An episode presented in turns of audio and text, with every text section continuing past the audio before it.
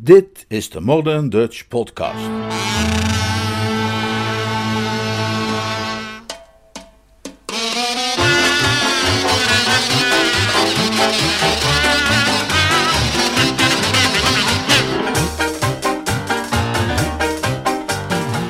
Geluk in de morgen. Een splinternieuwe vertaling van Joy in the Morning. Een Jeeves-roman van P.G. Woodhouse. Vertaald en voorgelezen door Leonard Beuger.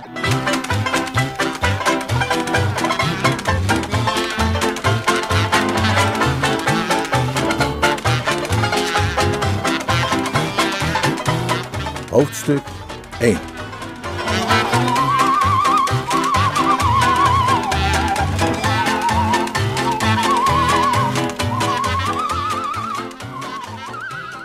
Nadat het allemaal achter de rug was en het gevaar niet langer dreigde, een goede afloop aan een ieder met gulle hand was toebedeeld, wij het stof van Stiepel Bumpley van onze banden hadden geschud en opgewekt met de hoed schuin op het hoofd naar huis reden, moest ik aan Jeeves bekennen dat er tijdens de recente ontwikkelingen wel degelijk momenten waren geweest waarop Bertram Booster, hoewel geen zwakkeling, de wanhoop zeer nabij was geweest.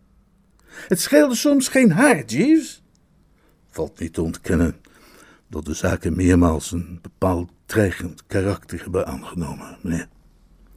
Ik zag vaak geen sprankje hoop. Het was alsof vrouw Fortuna de handdoek in de ring had gegooid en zich officieel had teruggetrokken. En kijk nu eens naar ons. Helemaal van hartstikke idee. Dat zet een mens toch wel aan het denken, nietwaar? Zeker, meneer.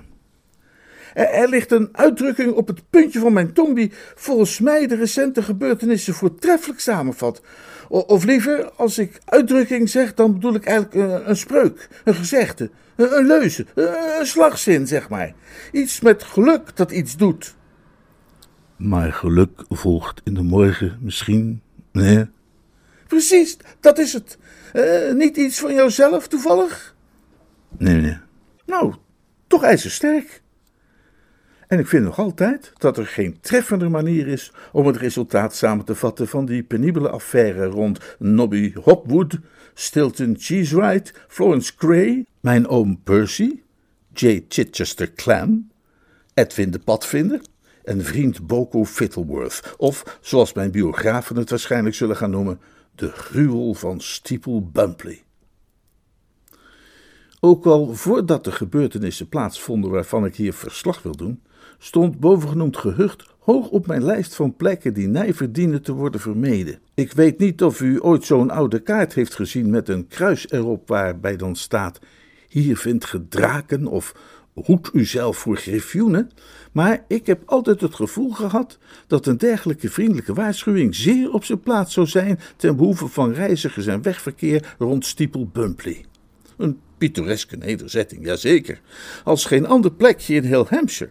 Het lag omsloten, naar ik meen dat de uitdrukking luidde door glooiende velden en lommerrijke wouden, langs een met wilg omzoomde rivier.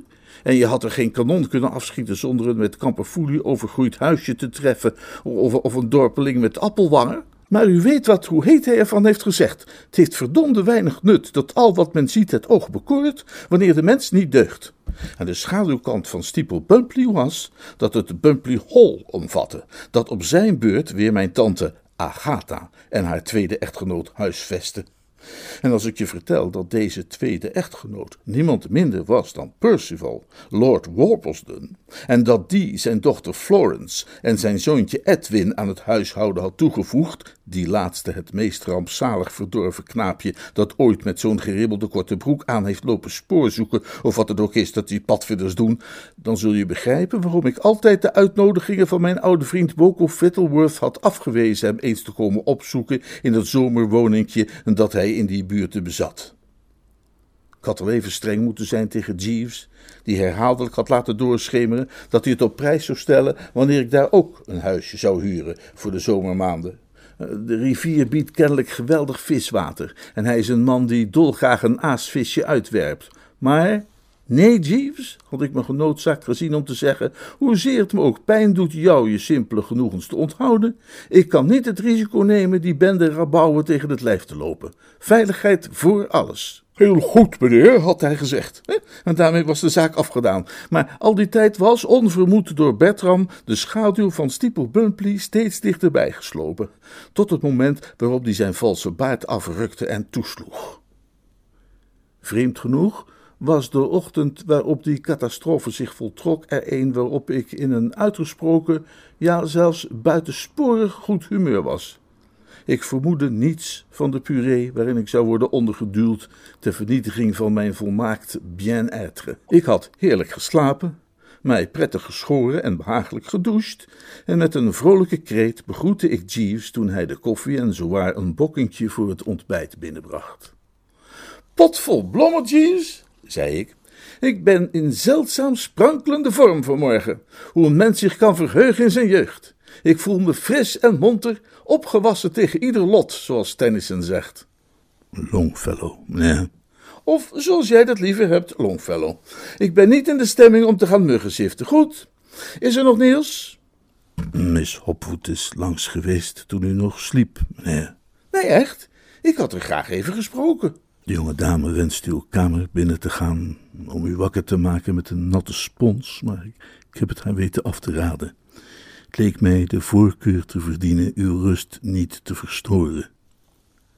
Helemaal de stemming van de trouwe hond die over zijn meester waakt, wat zowel getuigde van zijn vriendelijke hart als van zijn dienstbare houding.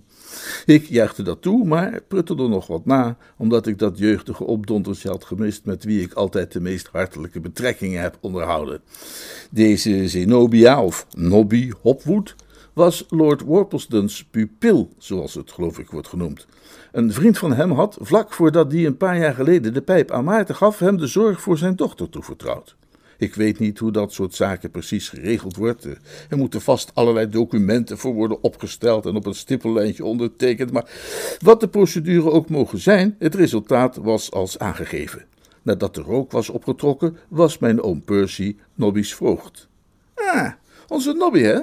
Sinds wanneer is zij in de grote stad komen aanwaaien? vroeg ik. Want toen oom Percy haar voogd werd, was ze natuurlijk toegevoegd aan zijn troepen te Steeple Bumpley en kon ze nog maar zelden te Londen worden aangetroffen. Gisteravond, meneer. En voor hoe lang? Tot morgen slechts, meneer. Nauwelijks de moeite waard om die hele reis voor te ondernemen, zou ik denken. Ik heb begrepen dat Milady prijs stelde op haar gezelschap, meneer. Ik bleef even stil. Eh, je wilt toch zeker niet zeggen dat tante Agatha in Londen is? Alleen op doorreis, meneer, antwoordde de brave kerel, ten einde mijn angst te verzachten. De jongeheer Thomas heeft op zijn school de bof gekregen en Milady is daarin onderweg om hem te verplegen. Hij duidde op de zoon uit het eerste huwelijk van mijn oude verwante, een onze gruwelijkste medemensen. Veel mensen met een rijp oordeelsvermogen geven hem zelfs een hogere plaats in de ranglijst van Engels geboefte dan haar stiefzoon Edwin. Ik was blij om te horen dat hij de bof had en speelde even met de hoopvolle gedachte dat tante Agatha die van hem zou kunnen krijgen. en uh, had Nobby nog iets te zeggen? Het speet haar dat ze u tegenwoordig zo weinig ziet. Nee. Dat is geheel wederzijds, dat leed, Jeeves. Er zijn maar weinig geschiktere pieven, MV, dan deze Hopwood. Ze sprak de hoop uit dat u binnenkort eens naar Steeple Bumpley zou komen. Ik schudde het hoofd. Uitgesloten, Jeeves. De jonge dame zei me dat de vissen daar op het ogenblik bijzonder goed bijten. Nee, Jeeves, spijt me. Zelfs al bijten ze als adders, ik kom niet in de buurt van Steeple Bumpley. Uitstekend, ja. Hij sprak op sombere toon en ik probeerde de spanning wat te verlichten door om nog een kop koffie te vragen. Uh, was Nobby trouwens alleen? Nee, nee. Een heer vergezelde haar die overigens sprak alsof hij u kende. Miss Hopwood sprak hem aan als Stilton. Grote kerel? Opmerkelijk fors gebouwd, meneer. En met een hoofd als een pompoen? Ja, meneer. Er was inderdaad een zekere gelijkenis met dat gewas. Dat moet een makker geweest zijn uit mijn jonge jaren. G. Darcy Cheeseride genaamd. Voor de grap noemden wij hem altijd Stilton. Ik heb hem in tijden niet gezien. Hij, woont ergens op het platteland. En voor een gezellige omgang met Bertram Booster is het absoluut noodzakelijk in of om onze metropool te verblijven. Vreemd dat hij Nobby kent. Uit de opmerkingen van de jonge dame maakte ik op dat Mr. Cheesewright eveneens een inwoner is van Steeple Bumpley. Nee. Werkelijk. De wereld is toch maar klein, Jeeves. Ja, meneer. Kleiner heb ik het geloof ik nooit gezien, zei ik. En ik had nog wel dieper op het onderwerp willen ingaan, maar op dat moment deed de telefoon een klingelende oproep en Jeeves vervluchtigde om hem op te nemen. Door de deur, die hij toevallig op een kier had laten staan, ving het oor een boel ja, milord en geuitstekend milord op, wat erop bleek te wijzen dat hij een hoogadelijk contact aan de lijn had. Wie was dat? vroeg ik toen hij weer binnenkwam. Lord Wobbleston, nee. Nu ik erop terugkijk, lijkt het me bijna ongelooflijk dat ik op die informatie niet anders reageerde dan met een licht verrast: Oh, ah, het is verbazingwekkend, bedoel ik, dat ik de sinistere manier waarop wat je zou kunnen noemen het steeple-bumply-element begonnen was binnen te dringen als een soort opkruipende mist of langzaam penetrerend miasma niet had bespeurd en niet mezelf rillend in alle ledematen heb afgevraagd wat dit te betekenen had. Maar toch was het zo. De betekenis van het gebeuren drong niet tot me door en, zoals ik al zei, ik oade met niet meer dan een lichte zweem van verbazing. Dat telefoontje was voor mij. Lord Woppelsden wenst dat ik mij onverwijld naar zijn kantoor begeef. Hij wil je spreken? Dat was de indruk die ik kreeg, meneer. Heeft hij gezegd waarom? Nee, meneer. Alleen dat het een kwestie was van grote urgentie. Ik peinsde, terwijl ik nadenkend een bokking verorberde. Er leek me maar één oplossing te zijn. Weet je wat ik denk, Jeeves? Dat hij in de knoei zit en jouw raad nodig heeft. Dat is zeer goed mogelijk, meneer. Nee, ik durf te wedden dat het zo is. Hij moet op de een of andere manier op de hoogte zijn van jouw bijzondere gaven. Een mens kan niet voortdurend maar doorgaan, zoals jij al zo lang doet, met hulp en troost verschaffen aan Jan en Alleman, zonder een zekere reputatie te verwerven, al was het maar in de familiekring. Hè? Uh, grijp je hoed en spurt er vandoor. Ben razend benieuwd te horen wat voor verhaal hierachter steekt. Uh, wat voor weer is het buiten? Uiterst mild, meneer. Zonneschijn en zo? Ja, meneer. Dat dacht ik al. Dat moet de reden zijn waarom ik mij zo bliksems fit voel. Ik denk dat ik toch maar eens een ommetje ga doen. En uh, zeg eens, zei ik, want ik had een beetje spijt van mijn strenge houding wat betreft een eventueel reisje naar Steeple Bumpley en wilde de vreugde terugbrengen in zijn leven. Uh, waarvan mijn weigering hem zich al daar te laten bemoeien met de plaatselijke visstand hem had beroofd. Uh, kan ik je misschien een plezier doen met een of andere kleinigheid als ik toch de deur uit ga? Ja. Is er een of ander presentje dat je op prijs zou stellen, bedoel ik? Maar dat is buitengewoon vriendelijk van u, meneer. Wel nee, Jeeves, alles is mogelijk. Zeg maar wat je wilt hebben. Tja. Uh, er is uh, onlangs een nieuwe en gezaghebbend geannoteerde editie verschenen van de werken van de filosoof Spinoza. Nu zich dan zo vrijgevig toont, is dat iets wat ik zeer op prijs zou stellen komt voor elkaar. Uw bestelling zal onverwijld per neutrale bestelwagen aan de deur worden afgeleverd. Uh, uh, weet je zeker dat je die naam goed hebt? Spinoza? Ja, meneer. Ja, het klinkt niet erg waarschijnlijk. Maar, jij weet het ongetwijfeld het beste. Spinoza, zei je toch? Is hij de keuze van de maand van de Nationale Boekenclub? Dat dacht ik niet, meneer. Nou, dan is hij de enige van wie ik ooit heb gehoord dat hij dat niet was. Maar goed, ik zal er direct voor zorgen.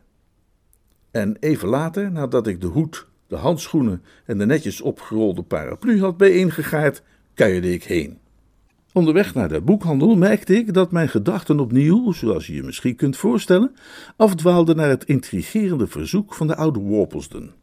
Die zaak fascineerde me. Ik vond het lastig te bedenken in wat voor soort puree een man als hij terecht zou kunnen zijn gekomen. Toen ik zo'n anderhalf jaar daarvoor uit wel ingelichte kringen het nieuws had vernomen dat mijn tante Agatha, die al jarenlang weduwe was, een douarière dus, zoals het geloof ik ook wel genoemd wordt, op het punt stond opnieuw te gaan trouwen, was de eerste emotie die ik daarbij voelde, zoals onder de omstandigheden vanzelf sprak, een oprecht medelijden met de arme bliksem die met haar voor het altaar zou komen te staan. Eh, zij is immers, zoals bekend, mijn gruwelijke tante. Hè? degene die glasscherven eet en mensenoffers brengt bij het schijnsel van de volle maan. Maar toen de nadere details bekend werden. en ik ontdekte dat de snuiter die het kortste strootje had getrokken Lord Worpleston was, de scheepsmagnaat, werd mijn warme meegevoel meteen een stuk minder. Dit zou zelfs voor haar niet bepaald een makkie worden. Zelfs als ze hem met de tijd wist af te matten en er uiteindelijk in zou slagen hem door een hoepeltje te laten springen, zou ze goed voelen dat ze ervoor had moeten vechten. Hij was namelijk een taaie rakker, deze Worplesdon. Ik kende hem al mijn hele leven. Hij was het die mij op vijftienjarige leeftijd, eh, toen ik vijftien was bedoel ik natuurlijk, niet hij, op het erf bij de stallen betrapte met een van zijn speciale sigaren in mijn mond en die me een mijl lang achtervolgde over zwaar terrein met een rijzweep in zijn hand. En hoewel onze verhouding in de loop der jaren uiteraard een stuk formeler was geworden, heb ik nooit meer aan hem kunnen denken zonder kippenvel te krijgen. Als ik moest kiezen tussen hem en een griffioen als metgezel op een wandeltocht, zou ik altijd veilig kiezen voor de griffioen. Het viel niet gemakkelijk te begrijpen hoe zo'n ijzervreter zo diep had kunnen afglijden dat hij SOS'jes moest gaan sturen aan Jeeves, en ik peinsde een poosje over compromitterende brieven in het bezit van goudzoekende blondines, tot ik mijn bestemming bereikt had en mijn bestelling kon plaatsen. Goedemorgen, goedemorgen, zei ik. Ik uh, wilde graag een boek. Natuurlijk had ik moeten beseffen dat het onnozel is om te proberen een boek te kopen als je in een boekwinkel bent. Dat verschrikt en verbijstert uiteraard alleen maar het personeel. De mottige grijsaard die was komen opduiken om mij te helpen, gedroeg zich wat dat betreft geheel volgens schema. Oh, oh een boek, meneer? vroeg hij met nauwelijks verholen verbazing. Ja, ja, Spinoza, antwoordde ik, verduidelijkend. Dit deed hem vrijwel achteroverslaan. Uh, zei u Spinoza, meneer? Dat is inderdaad wat ik zei, Spinoza. Hij leek het gevoel te hebben dat als we dit maar lang genoeg van man tot man met elkaar zouden uitpraten, we uiteindelijk wel tot een vorm van overeenstemming zouden kunnen komen. Uh, u bedoelt niet het spinnenwiel? Nee. Dan kan het misschien de giftige pin zijn? Nee, dat kan niet, nee. Of uh, met geweer en camera in onbekend Borneo? informeerde hij een gedurfder gokje wagend. Nee, Spinoza, herhaalde ik resoluut. Dat was mijn verhaal en daar ging ik mij aan houden. Hij zuchtte een beetje als iemand die voelt dat de situatie hem boven het hoofd groeit. Uh, ik ga even voor u kijken of wij dat op voorraad hebben, meneer. Maar mogelijk is dit wat u zoekt. Eh, moet bijzonder intelligent geschreven zijn. Hij trok zich terug, binnensmonds Spinoza mompelend op een hopeloze toon, nadat hij mij iets in de hand had gedrukt dat spindraad heette. Het boek zag er uitgesproken beroerd uit. Op het omslag stond een vrouw afgebeeld met een lang groen gezicht, die aan een paarse lelie stond te snuiven, en ik wilde het juist verre van mij werpen en op zoek gaan naar de giftige pin, waarover de man had gesproken, toen ik opeens bespeurde dat er achter mij iemand stond te lieve hemel Bertien. Ik draaide me om en ontdekte dat het gekoer werd voortgebracht door een meisje van het reizige en dominante type, dat ongemerkt achter mij was opgedoemd. Grote hemel, Bertie, ben jij het echt? Ik slaakte een kort maar heftig gereutel en stijgerde als een geschrokken mustang. Het was de dochter van de oude Walpelsden, Florence Cray. En ik zal u vertellen waarom ik zo stijgerde en zo reutelde toen ik haar zag als aangeduid. Ik bedoel, als er één ding is waar ik een hekel aan heb, dan is het het soort van verhalen waarin mensen plotseling beginnen te wankelen, naar hun hoofd grijpen en allerlei tekenen van emotie vertonen, terwijl er met geen woord bij wordt gezegd waar het allemaal om gaat, totdat de detective de hele toestand in het laatste hoofdstuk eindelijk uit de doeken doet. In het kort, de reden waarom het opduiken van dit meisje mij zo had aangegrepen, was dat wij ooit verloofd waren. En nog niet zo lang geleden ook. En hoewel het uiteindelijk allemaal goed is gekomen, die toestand gelukkig werd gecorrigeerd en ik zelf de elfde uren gered werd van het schafot, was het kantje boord geweest. En de herinnering lag mij nog erg vers in het geheugen. Alleen al het noemen van haar naam was nog altijd genoeg om mij rap een paar achterover te laten slaan. Dus u kunt zich ongetwijfeld helder voorstellen hoe schokkend het voor mij was haar zo onverwacht te zien opdoemen in verrassend levende lijven. Ik zwalkte als een riet in de wind en merkte dat ik een beetje verlegen zat om een goede dialoog. Uh, oh, hallo, zei ik. Ja, niet geweldig natuurlijk, maar het beste wat ik ervan kon maken.